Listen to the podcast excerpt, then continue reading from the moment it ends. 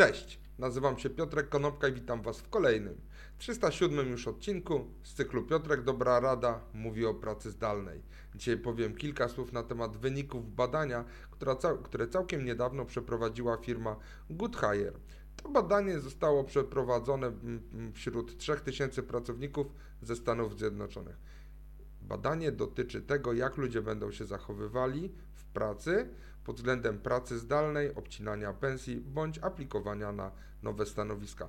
Ciekawe, co na ten temat ma do powiedzenia na przykład Przemek Wesołowski, być może e, SW Research robiło podobne badania w Polsce, albo Tomek Rudnik, który podpowiada ludziom, jak zmieniać pracę.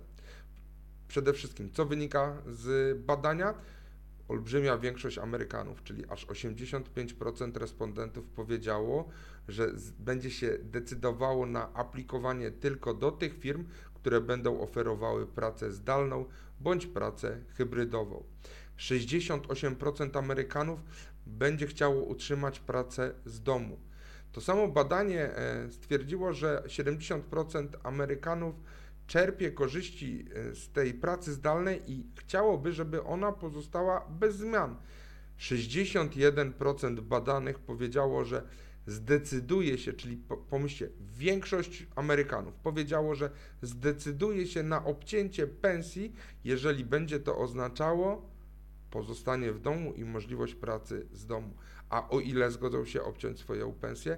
Nawet aż o 50%. To badanie pokazuje jeszcze kilka innych rzeczy. 60% y, pracowników w Ameryce rozważy przeprowadzkę do innego miasta, jeżeli tam będzie możliwa praca zdalna. 74% Amerykanów mówi, że e, chciałoby móc e, rozważyć pracę zdalną, tak żeby ich obecny pracodawca to rozważył. 70, również 74% Amerykanów mówi, że e, udostępni dobrowolnie swój status szczepionkowy, tak żeby pracodawca mógł bezpiecznie wpuścić innych pracowników, którzy chcą pracować stacjonarnie do biur.